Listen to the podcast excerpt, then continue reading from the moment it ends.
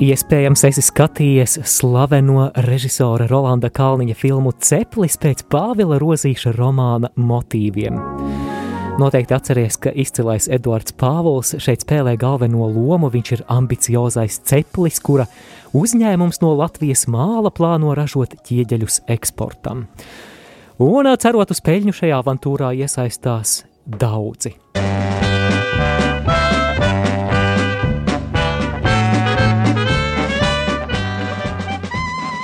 Es biju varens. Un būsi. Un būšu. Drīz gan atklājas, ka mākslas ķieģeļu ražošanai nav derīgs, jo tā sastāvs ir nekvalitatīvs. Ak, šī paļāvība uz materiālām lietām.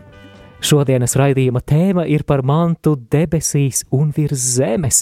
Mēs studēsim Mateja evaņģēlija fragmentu no Kalnas prediķa, kurā Jēzus māca par to, kādai ir jābūt mācekļu attieksmei pret materiālām lietām. Šoreiz randiņš ar bībeli par Mateja evaņģēlija sestās nodaļas fragmentu no 19. līdz 24. pantam. Vēlēs labāk iepazīt svētos rakstus, bet nezinu, ar ko sākt? Raidījums Randiņš ar Bībeli ir tava Bībeles studiju iespēja. Dinamiska, mūsdienīga un baznīcai uzticīga. Studē Bībeles grāmatas kopā ar savedēju Māri Vēliku. Esi sveicināts, dārgo radio klausītāji, lai ir slavēts Jēzus Kristus. Tātad Mateja evaņģēlijas sastāv nodaļa no 19. līdz 24. pantam ir šodienas studējamā rakstu vieta. Esi laipni aicināts šajās bībeles studijās, neatkarīgi no tā, kur tu šobrīd mūs klausies. Raidījumu iesāksim ar lūkšanu, aicinot svēto garu, lai viņš sagatavo mūsu sirdis Dieva vārda dziļākai iepazīšanai. Dieva tēva un dēla un svētā gara vārdā Āmen.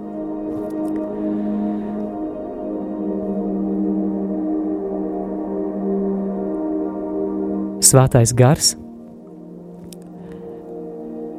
mēs atzīstam, ka tu mums esi vajadzīgs brīdī, kad mēs tuvojamies tavam vārdam.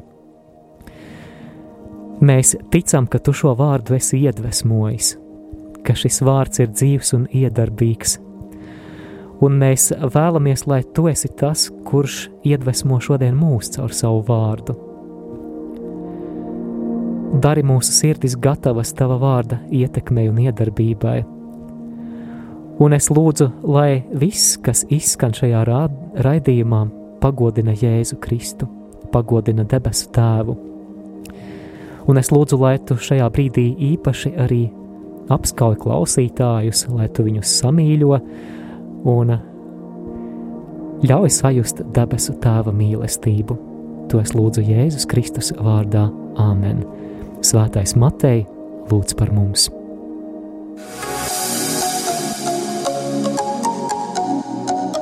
Skan randiņš ar bībeli. Klausāmies šodienas fragment no Mateja evaņģēlijas sastās nodaļas, sākam ar 19. pantu un tad līdz pat 24. pantam. Droši vari sekot līdzi savā bībelē. Nekrājiet sev mans virs zemes, kur kodas un rūstās maitā, un kur zagļi rok un zog, bet krājiet sev mantas debesīs, kur ne kodas, ne rūstās nemaitā, un kur zagļi nerok un nezog. Jo kur ir tava manta, tur būs arī tava sirds Miesas spiedeklis ir acis. Ja nu tava acis ir skaidra, tad visa tava miesa būs gaiša. Bet ja tava acis nav skaidra, tad visa tava miesa būs tumša. Ja tad gaišums, kas tevī ir tumsība, cik liela būs tumsa pati? Neviens nevar kalpot diviem kungiem. Vai nu vienu viņš ienīdīs vai otru mīlēs, ja vienam viņš pieķersies un otru atmetīs. Jūs nevarat kalpot dievam un mamonam. Mēģināsim saprast, ko tad Jēzus ir vēlējies ar šiem vārdiem pateikt. Nu, pat dzirdējām trīs izteikumus. Pirmais bija par mantu debesīs, otrais par aci, un trešais par kalpošanu diviem kungiem. Un tagad, dārgo klausītāji, par katru no tiem atsevišķi.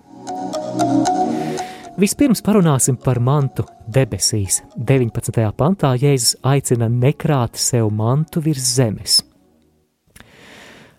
burtiski to varētu tulkot pārstājiet krāt sev mantu virs zemes. Citiem vārdiem sakot, Jēzus te aicina uz virziena maiņu, jo 20. pantā viņš saka par kādu citu sfēru, kurā šī manta būtu krājama. Proti viņš saka, krājiet sev mantas debesīs. Klausītāji varbūt jau raidījuma ievadā šos prasīgos Jēzus vārdus dzirdot, varbūt tāds satraukums iezogas tavā sirdīs, vai tad Jēzus šeit runā, ka materiālās lietas vispār ir sliktas un ka no tām ir jāatbrīvojas? Nē. Atcerēsimies, ka katra rakstu vieta, un arī šī ir jāievieto plašākā Bībeles kontekstā, proti jāierauga, kas citās rakstu vietās ir par šo tēmu teikts. Un tad nu atcerēsimies, ka, piemēram, citur Bībelē ir runāts, kā ir materiāli jārūpējas par saviem tuviniekiem, 1. Timotejam 5, 8. Lasām arī, ka mēs esam pat aicināti gudri un čakli uzkrāt, atcerēsimies līdzību par skudrām, sakām vārdu grāmatā 6. nodaļā no 6. līdz 8. pantam, vai, piemēram, šī rakstu vieta no 2. tesaloniķiešiem 3. nodaļas 10. pants, kur Pāvils runā, ka mēs esam aicināti ar savu roku darbu nopelnīt iztiku. Slavenie vārdi, kas nestrādā tam, nebūs ēst. Tātad Jēzus šeit nerunā par to, ka materiālās lietas pašas par sevi būtu sliktas. It nemaz ne.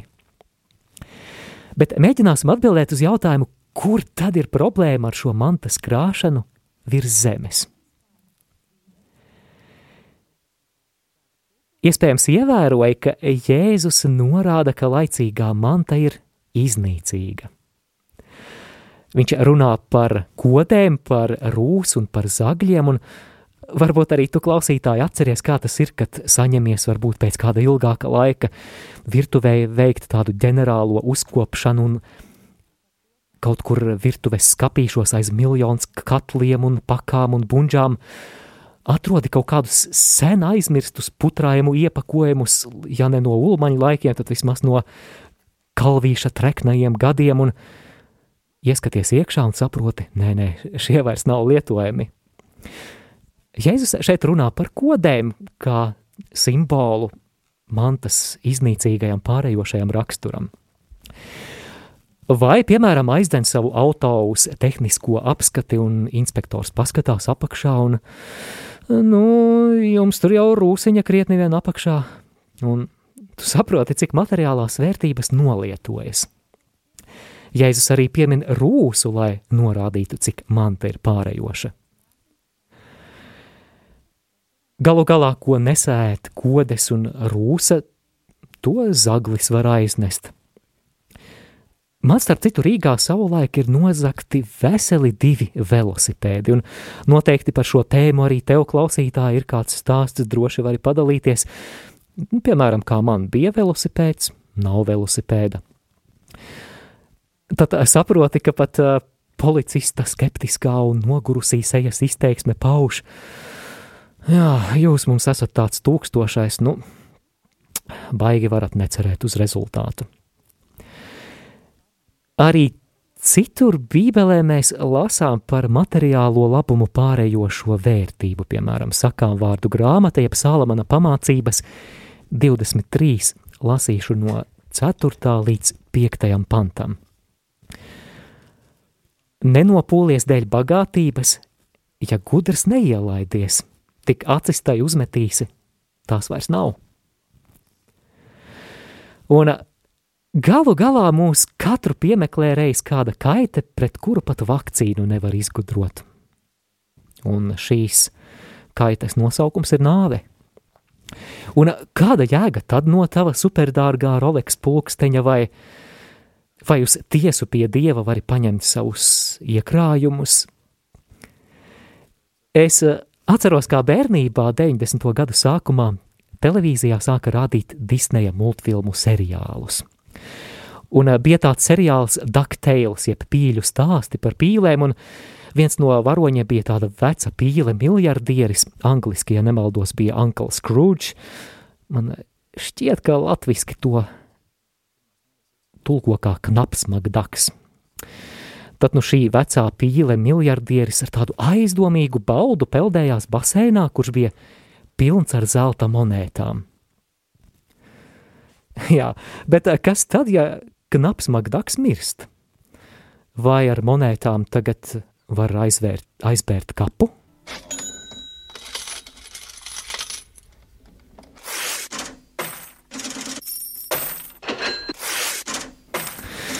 Jā, bet uz ko tad šī rakstu vieta par mantas krāšanu nevis uz zemes, bet debesīs mūs aicina, sevišķi ņemot vērā, ka, kā jau minēju, tad citas rakstu vietas arī parāda, ka materiālais nodrošinājums pats par sevi nav slikts un ir pat sava loma gudrai tās krāšanai un pārvaldīšanai. Tad nu, šis savā būtībā ir izteikums par prioritātēm. Varam pārfrāzēt to tā: padari par prioritāti debesu, nevis zemes lietas. Proti, padari par prioritāti vērtības, kuras ir mūžīgas, nevis tās vērtības, kuras ir pārējošas, iznīcīgas. Pamatā šeit ir šis jautājums, kas tev ir svarīgāks, vai šīs zemes lietas vai debesu lietas? Un, manuprāt, labs komentārs šai rakstu vietai, šim 19. pantam, ir tas, ko mēs lasīsim nākamajā raidījuma epizodē.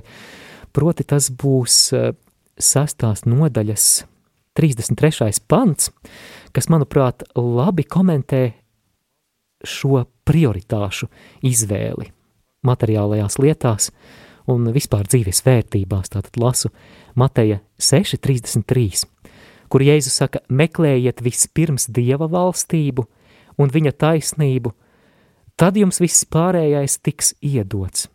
Tātad vispirms kas? Vispirms Dieva lietas, vispirms Dieva valstība. Un 20. pantā Jēzus saka, bet krājiet sev mantas debesīs, kur nekodes, ne rūsa tās nemaitā, un kur zagļi nerok un nezog. Jēzus šeit neprecizē, kāda tieši ir šī manta debesīs. Un tas, ko mēs šobrīd par to varam teikt, ka runa šeit ir par kaut ko labu, mūžīgu, neiznīcīgu, nepārējošu, kas izriet no tā, ko mēs ar savu dzīvi esam darījuši šeit virs zemes. Un šī izteikuma konteksts mums ļauj arī noprast, ka runa šeit ir par atlīdzību nevis par šīs zemes izteiksmē, bet nākamajā dzīvē pie Dieva. Dargo klausītāji, atcerēsimies, kur vēl nesen mēs dzirdējām par atalgojumu debesīs. Varbūt atceries, ka tad, kad mēs lasījām pirms pāris nedēļām par trim dievības praksēm Mateja evaņģēlijas sastajā nodaļā, proti par žālsirdības dāvanām, par lūkšanu un par gavēni, mēs dzirdējām apsolījumu, tad nu tēvs, kas redz slepenībā, tev to atmaksās. Tad nu šie trīs piemēri, kas ir lūkšana, žēlsirdības darbi, gavēnis, mums it kā mazliet norāda to virzienu, kur tad ir meklējamas dzīvē tās lietas, kuras rada kaut kādu noslēpumainu mūžīgu vērtību, kuru mēs reiz baudīsim. Protams, ka par to var plašāk runāt, un plašāk varētu teikt, ka uh, ka krāt mantu debesīs nozīmē dzīvot saskaņā ar taisnību. Un atcerēsimies arī no iepriekšējām raidījumiem, ka evaņģēlista Mateja izpratnē taisnība ir dzīve atbilstoši tam, ko sagaida Dievs.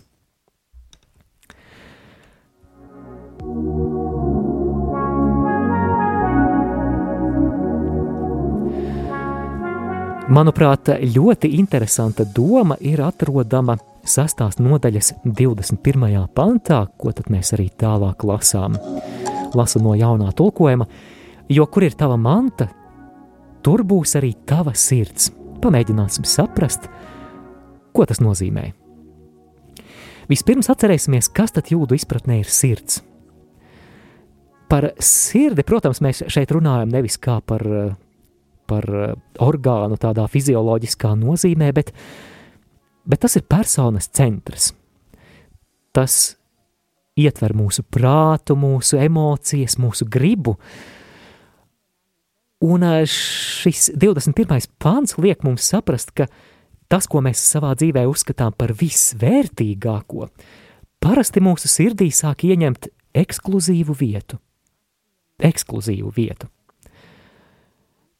Tādējādi šie mūsu lielākie dārgumi, patīk mums tas vai nē, sāk ietekmēt visas mūsu personas virzienu un vērtības. Es saprotu, klausītāji, ka varbūt tas šajā brīdī skan tā pārāk teorētiski.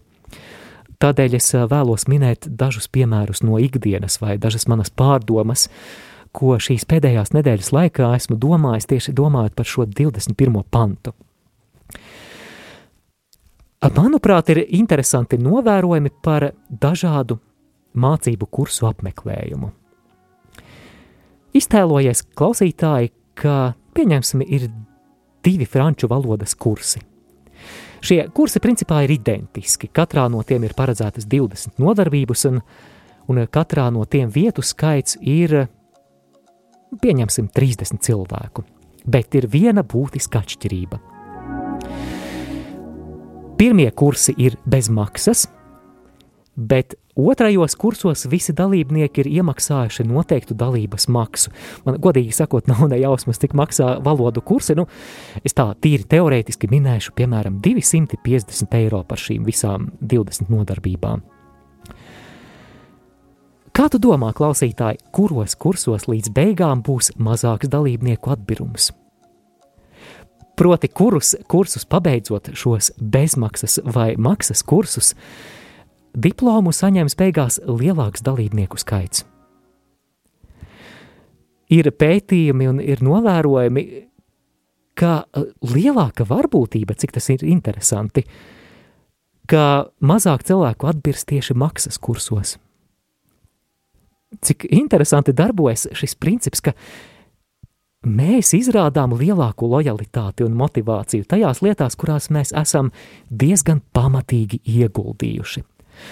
Jā, varbūt pilnīgi, pilnīgi negribās iet uz tiem franču valodas kursiem, un ir bijusi gara darba diena, esi noguris un ēst gribās, un ārā laiks ir tik draņķīgs, ka pat saimnieks suni ārā nedzīs, un tu domā, nē, bet es nevaru neiet, Es taču esmu iemaksājis, es, es negribu to zaudēt.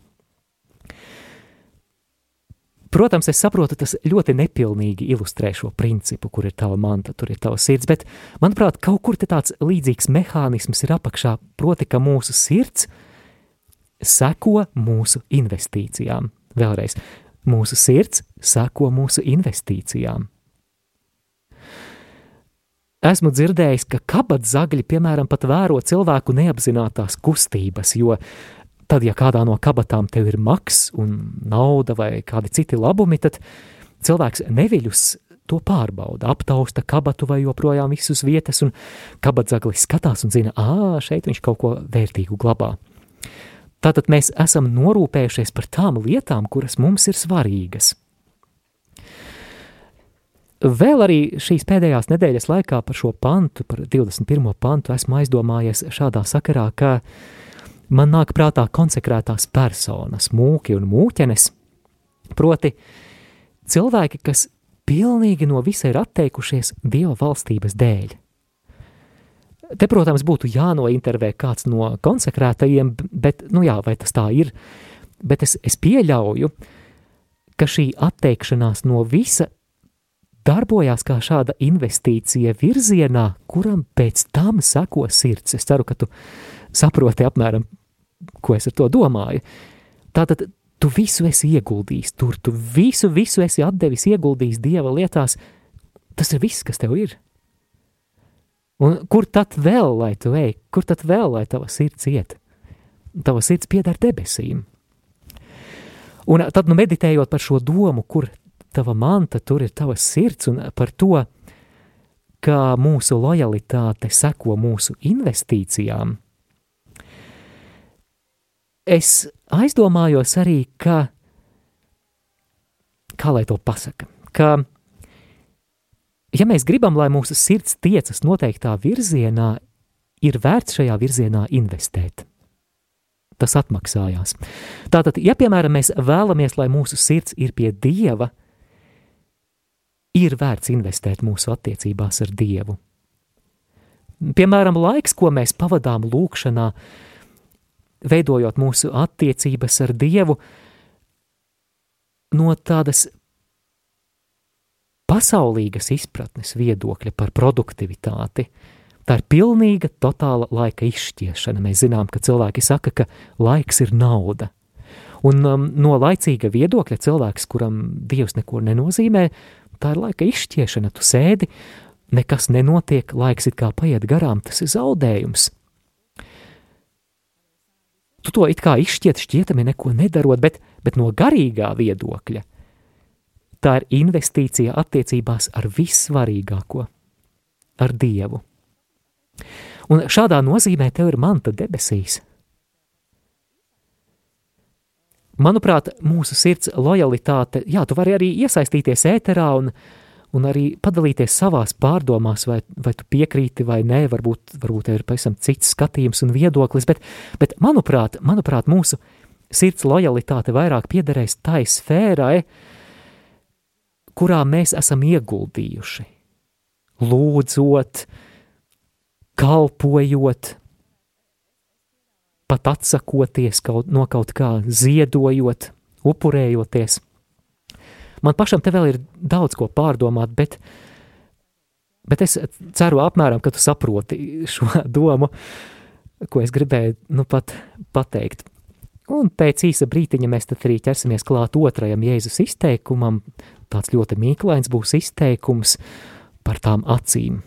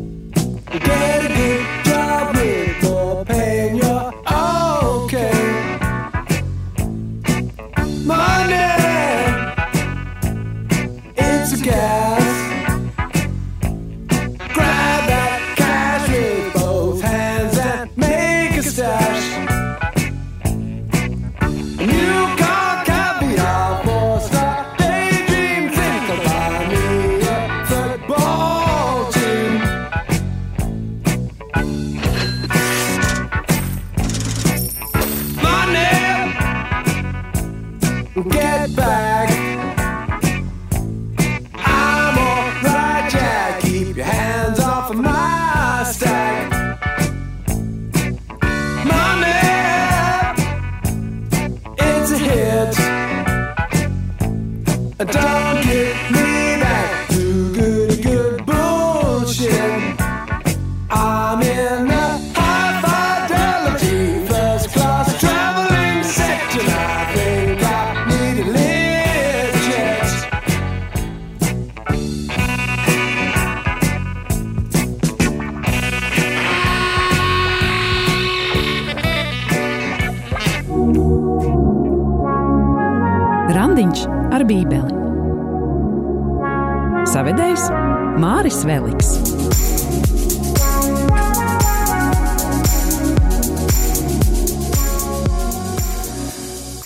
Otrais Jēzus izteikums, kuru šodien aplūkojam, ir no Mateja evaņģēlijas 6. nodaļas 22. un 23.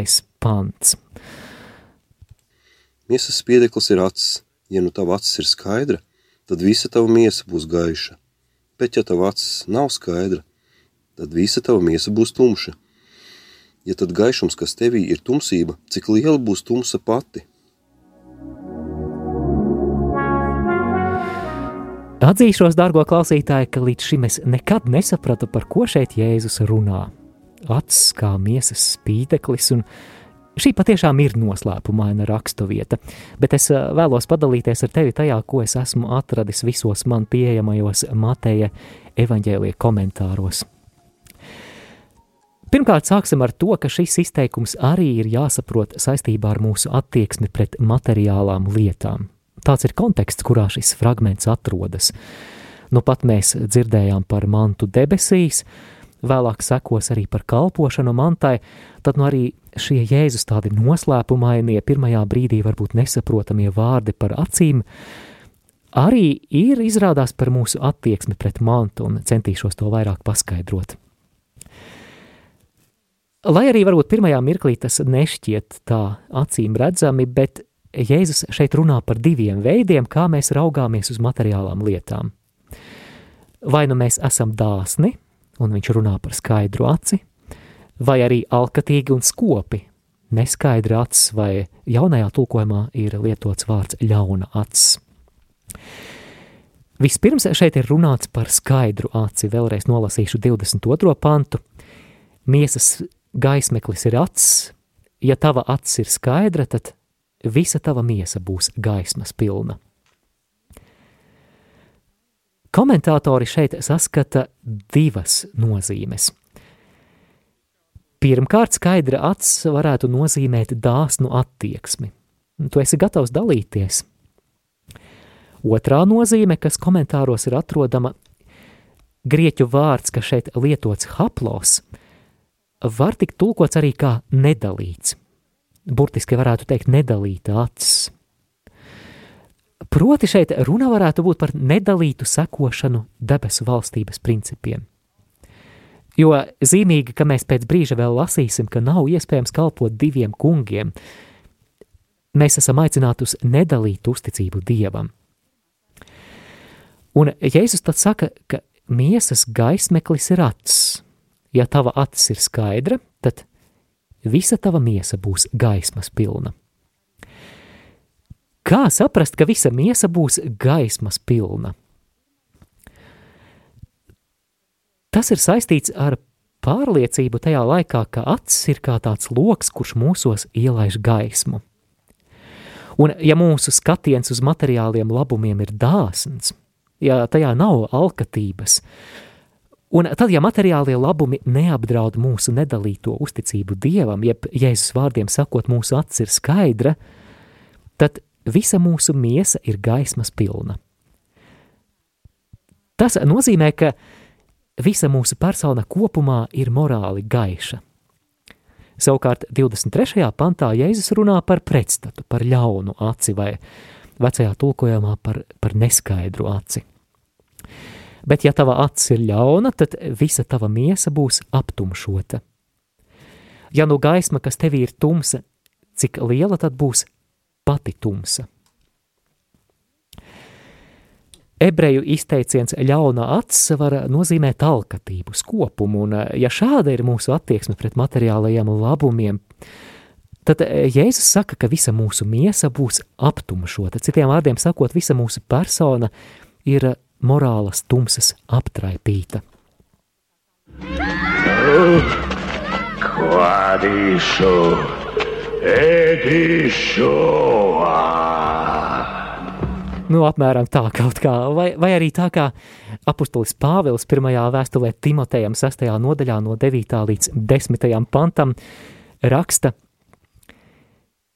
bet kas grib piedzīvoties bagātībā, tie krīt kārdināšanā, lamatās un daudzās bezprātīgās un kaitīgās iegribās. Tas viss iegrūž cilvēku postā un pazušanā, jo visu ļaunumu sakne ir alkatība. Pēc naudas tiekdamies, dažs ir nomaldījies no ticības un daudzkārt sagādājis sev asas sāpes.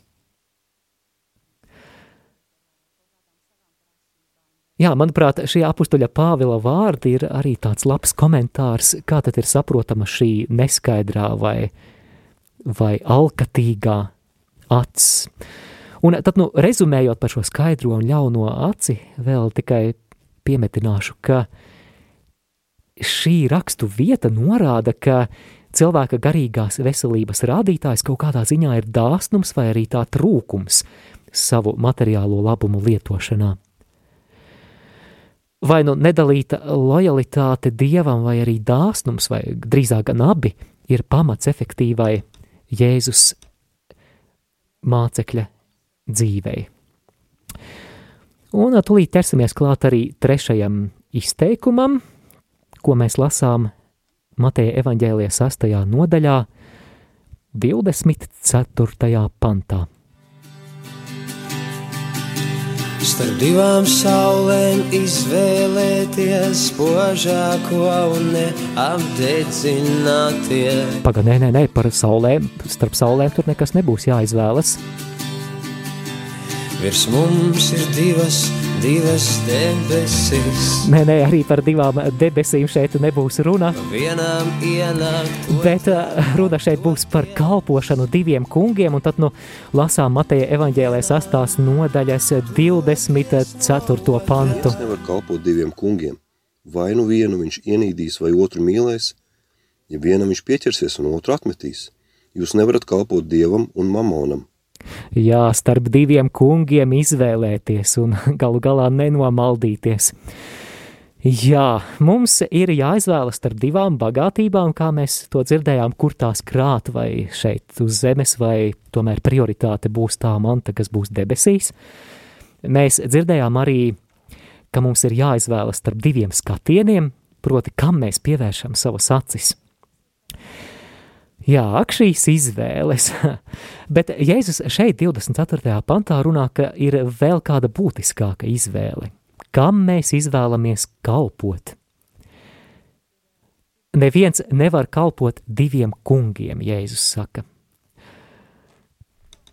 Un kāds klausītājs varētu noteikti iebilst, paga, bet es taču strādāju divos darbos, un man sanāk, ka man ir divi priekšnieki, un es cenšos būt lojāls abiem. Protams, ka jāsaprot, kā Jēzus šo līdzību ņem no tā laika sociālās realitātes, kad pastāvēja verdzība. Un būt par vergu, protams, nozīmē piederēt tikai vienam saimniekam. Tāda situācija, ka tu kā vergs vienlaicīgi piederi diviem, bija neiespējama. Un tā arī šī nedalītā veltīšanās, ar kuru Jēzus ilustrē, kā tas ir piederēt debesu valstībai, būt tās pilsonim, izsaka to, ka šī piederība debesu valstībai, sekošana dievam nav, sekoja, nav savienojama ar dzīšanos pēc mamonas. Noslēpumains vārds, vai ne? Vārds mamona nāk no aramiešu vārda, kas apzīmē bagātību jeb īpašumu. Un interesanti, ka aramiešu valodā šī vārda sakne izsaka arī kaut ko, uz ko mēs paļaujamies – Un eh, vēl noteikti ievēroja, ka Jēzus šeit šo bagātību, jeb šo mantu, ar ko apzīmē, ko apzīmē šo vārdu mamona, Jēzus to personificē, it kā, it kā tā būtu kāda būtne. Un Jēzus šeit runā starp izvēli, starp dievu un mamonu, naudu. Tātad vai nu tu kalpo dievam ar nedalītu sirdi, vai arī tu viņam vispār nekalpo. Dalīta sekošana dievam nozīmē sevi pakļaut elgdievībai. Un pēc pavisam īsa brīža parunāsim, kā tas varētu attiekties uz mūsu dzīvi, ko tas nozīmē tev un man.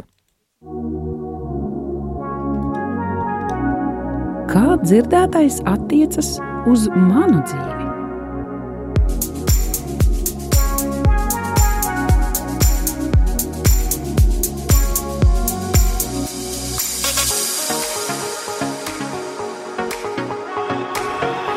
Kā tas attiecas uz manu dzīvi, es uh, nesen atradu Rika Vorrena, manuprāt, brīnišķīgu pārdomu tekstu, kuru es uh, vēlos tev piedāvāt, kas, manuprāt, parāda, kā šīs realitātes, par kurām Jēzus šodienas fragmentā runā, var attiekties uz tavu un manu dzīvi.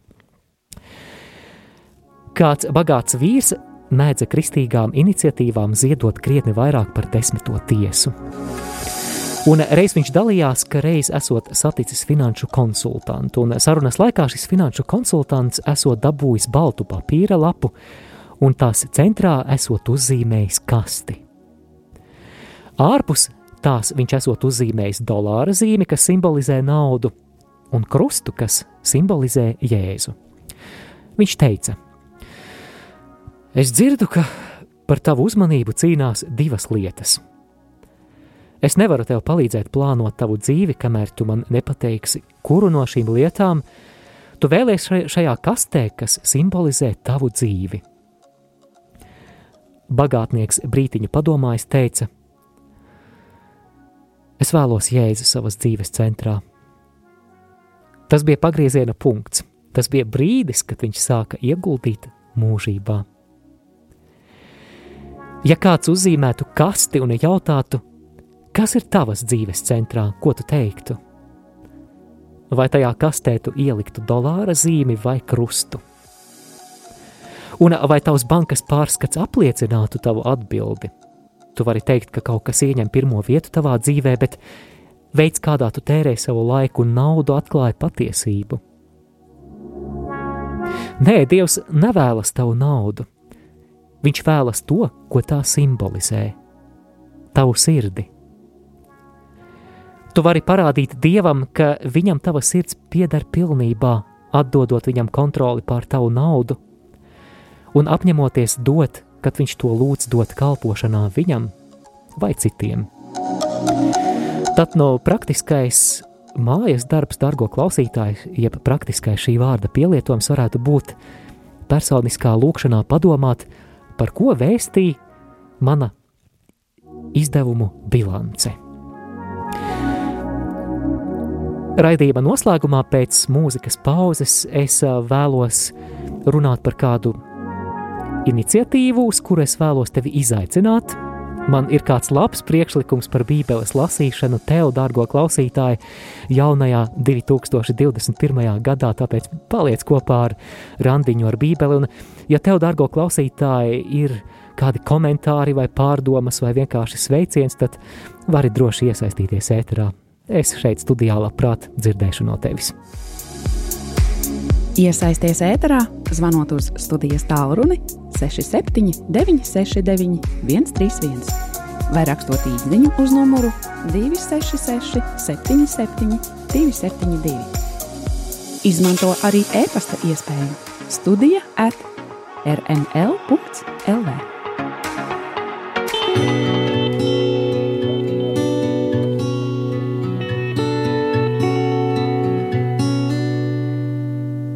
Kad es ļaušu sevi apskaidrot, lai manī ienāktu miers, kad es spēšu tumsu izgaismot, lai redzams top viss.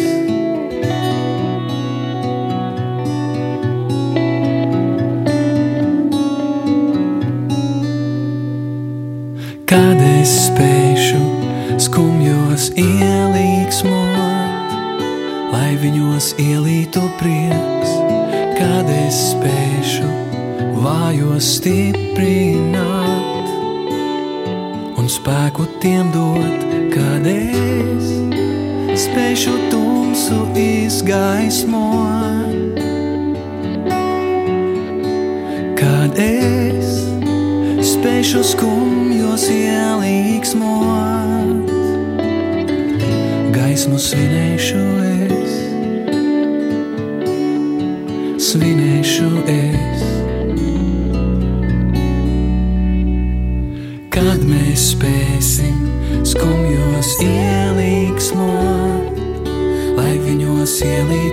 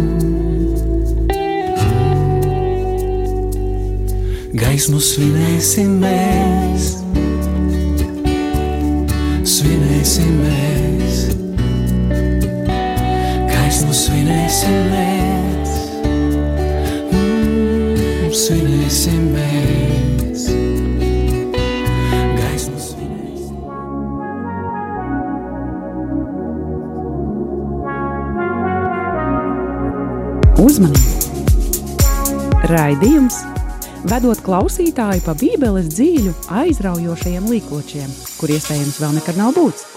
Var izraisīt nopietnu atkarību no privāta randiņa ar svētajiem rakstiem ikdienā.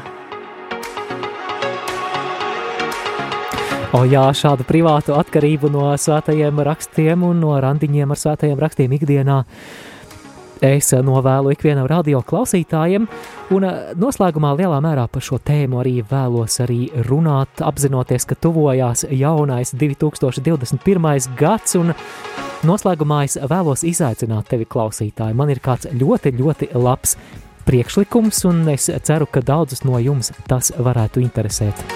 Es regulāri randiņā ar Bībeli esmu uzsvēris, ka raidījuma mērķis nav tikai palīdzēt svētos rakstus saprast, un es eh, tiešām vēlos, lai tas palīdzētu saprast svētos rakstus, un ceru, ka kādam arī palīdz. Bet es eh, vēlos arī iedvesmot uz privātiem randiņiem ar Bībeli. Jo, kā es to vairāk kārt esmu teicis, un arī turpināšu teikt, ka šis raidījums, ko tu klausies, noteikti, noteikti neaizstāja privātu randiņu ar Dievu viņa vārda lasīšanā. Gluži kā uztura bagātinātājs neaizstāja pilnvērtīgu un sabalansētu uzturu.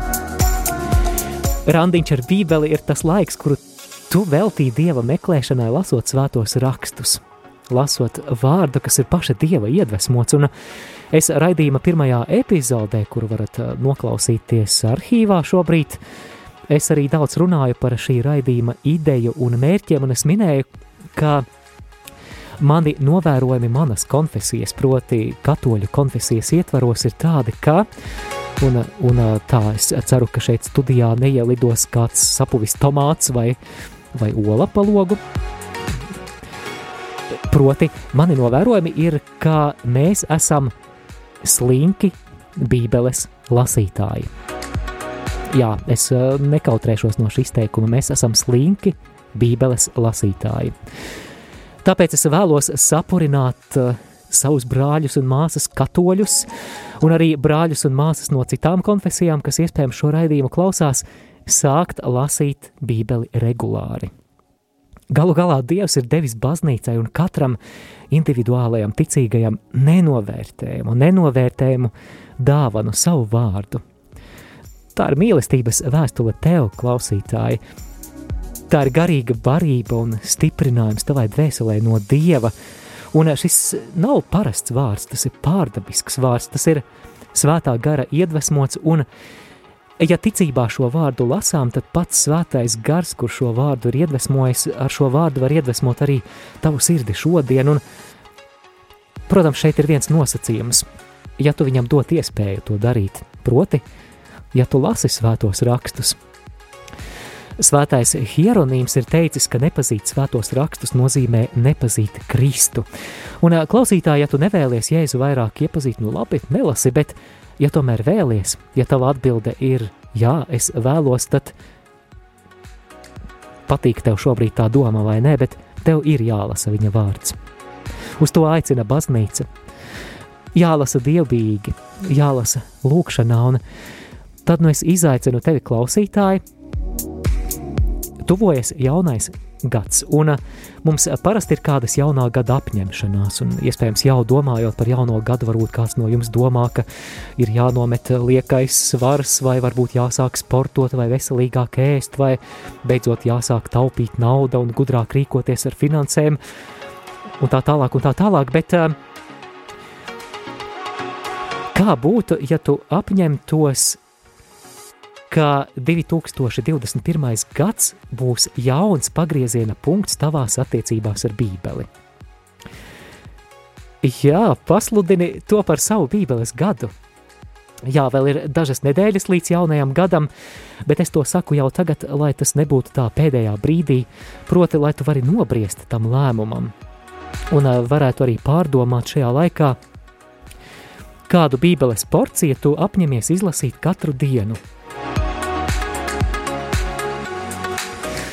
Katrs, protams, mēs izvērtējam pēc savām iespējām, un kādam no jums varbūt tie būs tikai daži panti dienā un ļoti labi, bet kādus citus no jums es vēlos izaicināt uz kaut ko lielāku. Piemēram, izlasi jauno derību 2021. gadā. Visu jauno derību. Jaunajā derībā ir, zini, cik nodaļas? 260 nodaļas, tā ka lasot katru dienu tikai pa nodaļai, tu vari jauno derību izlasīt nepilna gada laikā. Vēl kādus citus no jums, klausītājies, izaicinu uz vēl kaut ko lielāku. Protams, katrs izvērtējam pēc savām iespējām, pēc tā, uz ko Dievs mūs pamodi, pamudina. Izlasi jauno derību divas reizes gadā, šis ir nākamais līmenis. Tās ir tikai divas nodaļas dienā, un nepilna gada laikā tu būsi izlasījis jauno derību divreiz, un tas būs divkāršs ieguvums.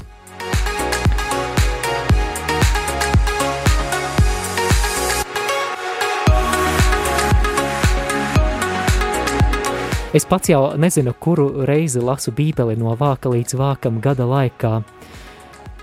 Arī šajā 2020. gadā es iesāku lasīt Bībeli ar pirmajām nodaļām, 1. janvārī, un šobrīd esmu jau tuvu, tuvu finišam, tuvu jaunās derības noslēgumam.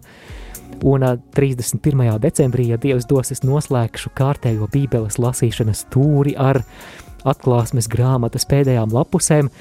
Un es pats jau šobrīd apņemos 2021. gadā vēlreiz izlasīt Bībeli no vāka līdz vākam kārtējo, nu jau 11, nezinu, 13 vai 14 droši vien reizi. Sākšu 1. janvārī, lai pabeigtu 31. decembrī, un varbūt kāds vēlas man piebiedroties, droši arī iesaisties ēterā, uzraksti vai zvani, vai tevi uzrunā šī doma. Un vēlreiz es gribu uzsvērt to, ka noteikti es tevi neizaicinu apņemties izlasīt visu Bībeli gada laikā, ja esi iesācējis. Tas ir gluži kā ar maratonu vai ar pusmaratonu. Vispirms ir jātrenējas, vispirms mēs sākam ar mazākām distancītēm, tad pamazām, pamazām. Tad, nu, iesākumā es iesaku krustām šķērsām izlasīt jauno derību. Bet, bet, Ja šobrīd mani dzird kāds, kas ir pieredzējušāks Bībeles lasīšanā, kas jau ir diezgan labi iepazinis jauno derību un vēlas kādu labu izaicinājumu 2021. gadam, tad laipni lūgti. Internetā vai Bībeles aplikācijās varat atrast dažādus Bībeles lasīšanas plānus. Tātad katrs izvērtē savas iespējas un tad izdara savu apņemšanos 2021. gadam. Tā tūlīt es vienu mirklīti paskatīšos, ko tad mums te klausītāji ir atsūtījuši.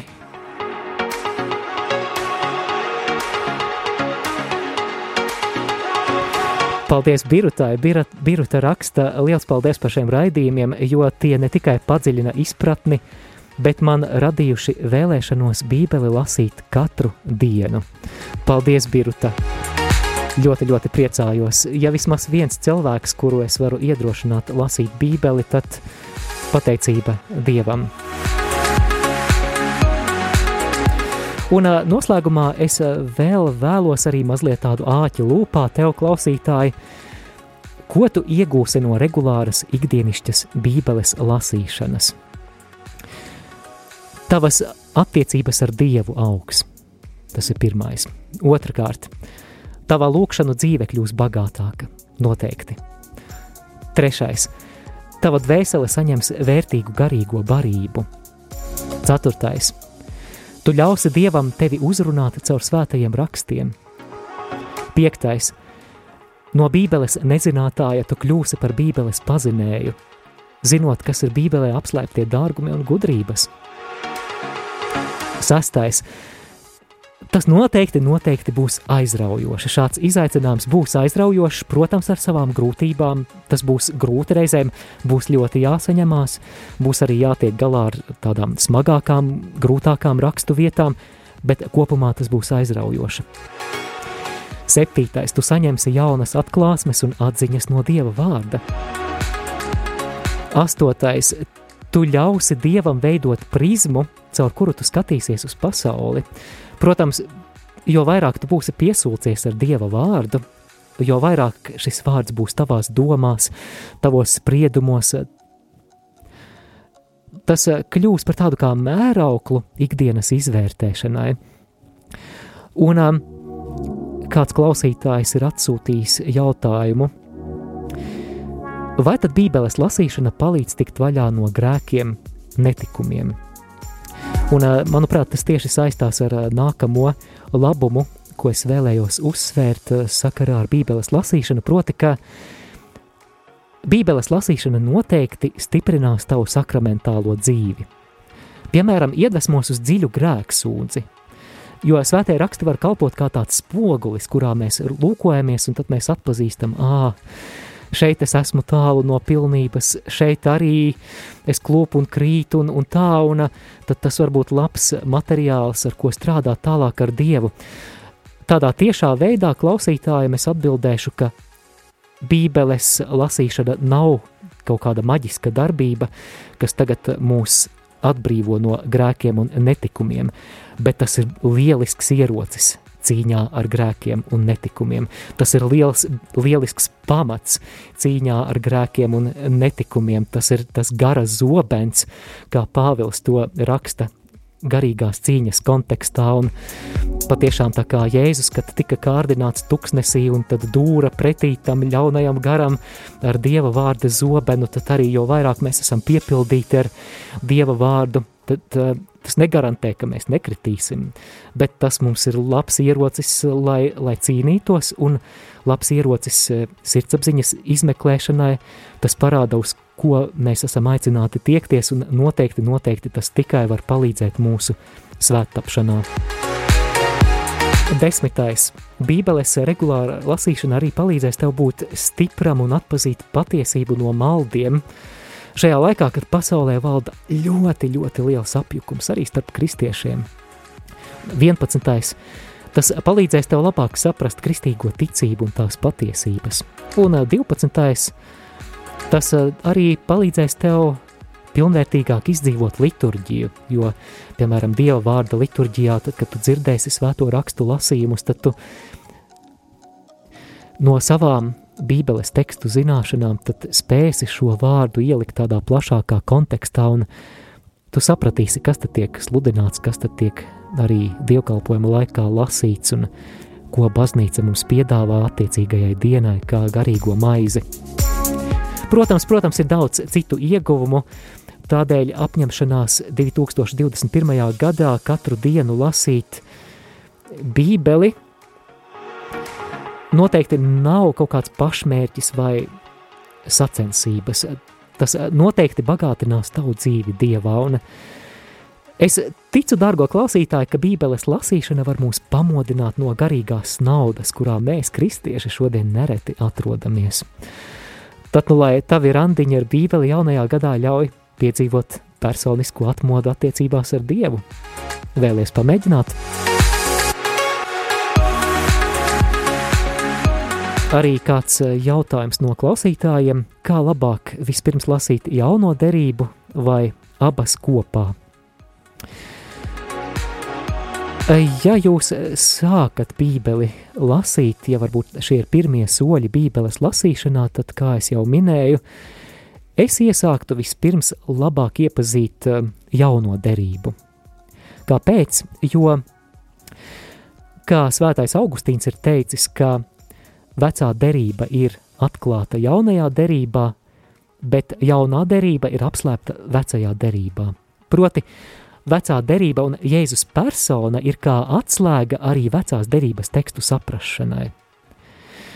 Jo vecās derības teksti viņa norāda uz Jēzu kā uz piepildījumu, un līdz ar to, ja vispirms mēs iedziļināmies jaunās derības tekstos, ja mēs tos labāk saprotam, tad vēlāk, kad pienāks tas brīdis, kad mēs ķersimies klāt vecajai derībai, tad uh, vecās derības teksti mums nozīmēs kaut ko daudz vairāk. Tas ir tāds mans personiskais ieteikums, varbūt arī kādiem citiem ir citas versijas. Bet es domāju arī, ka vispirms tāda pieredze ar jauno derību arī darīs jūs drošākus vecajā derībā, jo, jo sākot lasīt veco derību, daudzi padodās, daudzi iestrēgst un sākumā tas nešķiet tik viegli, tāpēc varbūt vispirms sākam ar jauno derību, bet ja, kā jau minēju, ja esat jau pazīstami ar jauno derību, tad noteikti, noteikti vecā derība ir grāmata, kura mums ir jālasa, tur ir tik dziļa garīga gudrība.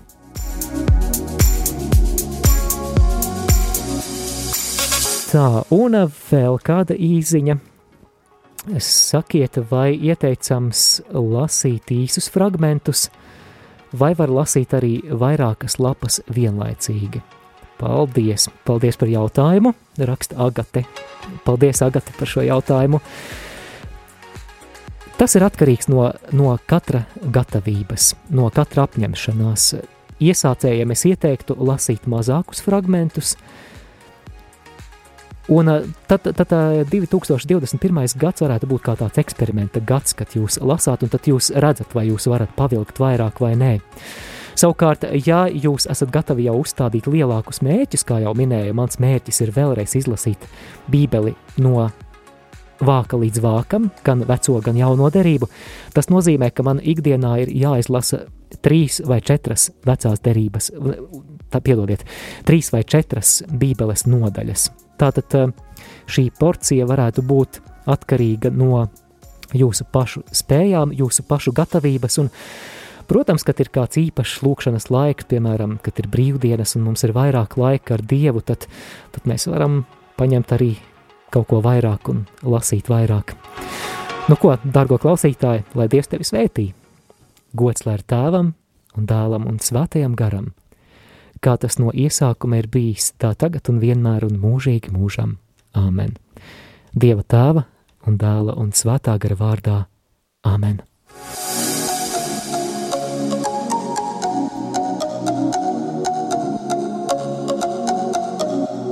Jūs klausījāties raidījumu Randiņš ar Bībeli.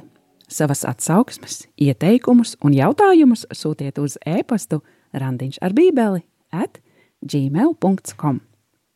Iepriekšējās raidījuma epizodes aicinām meklēt arhīvā.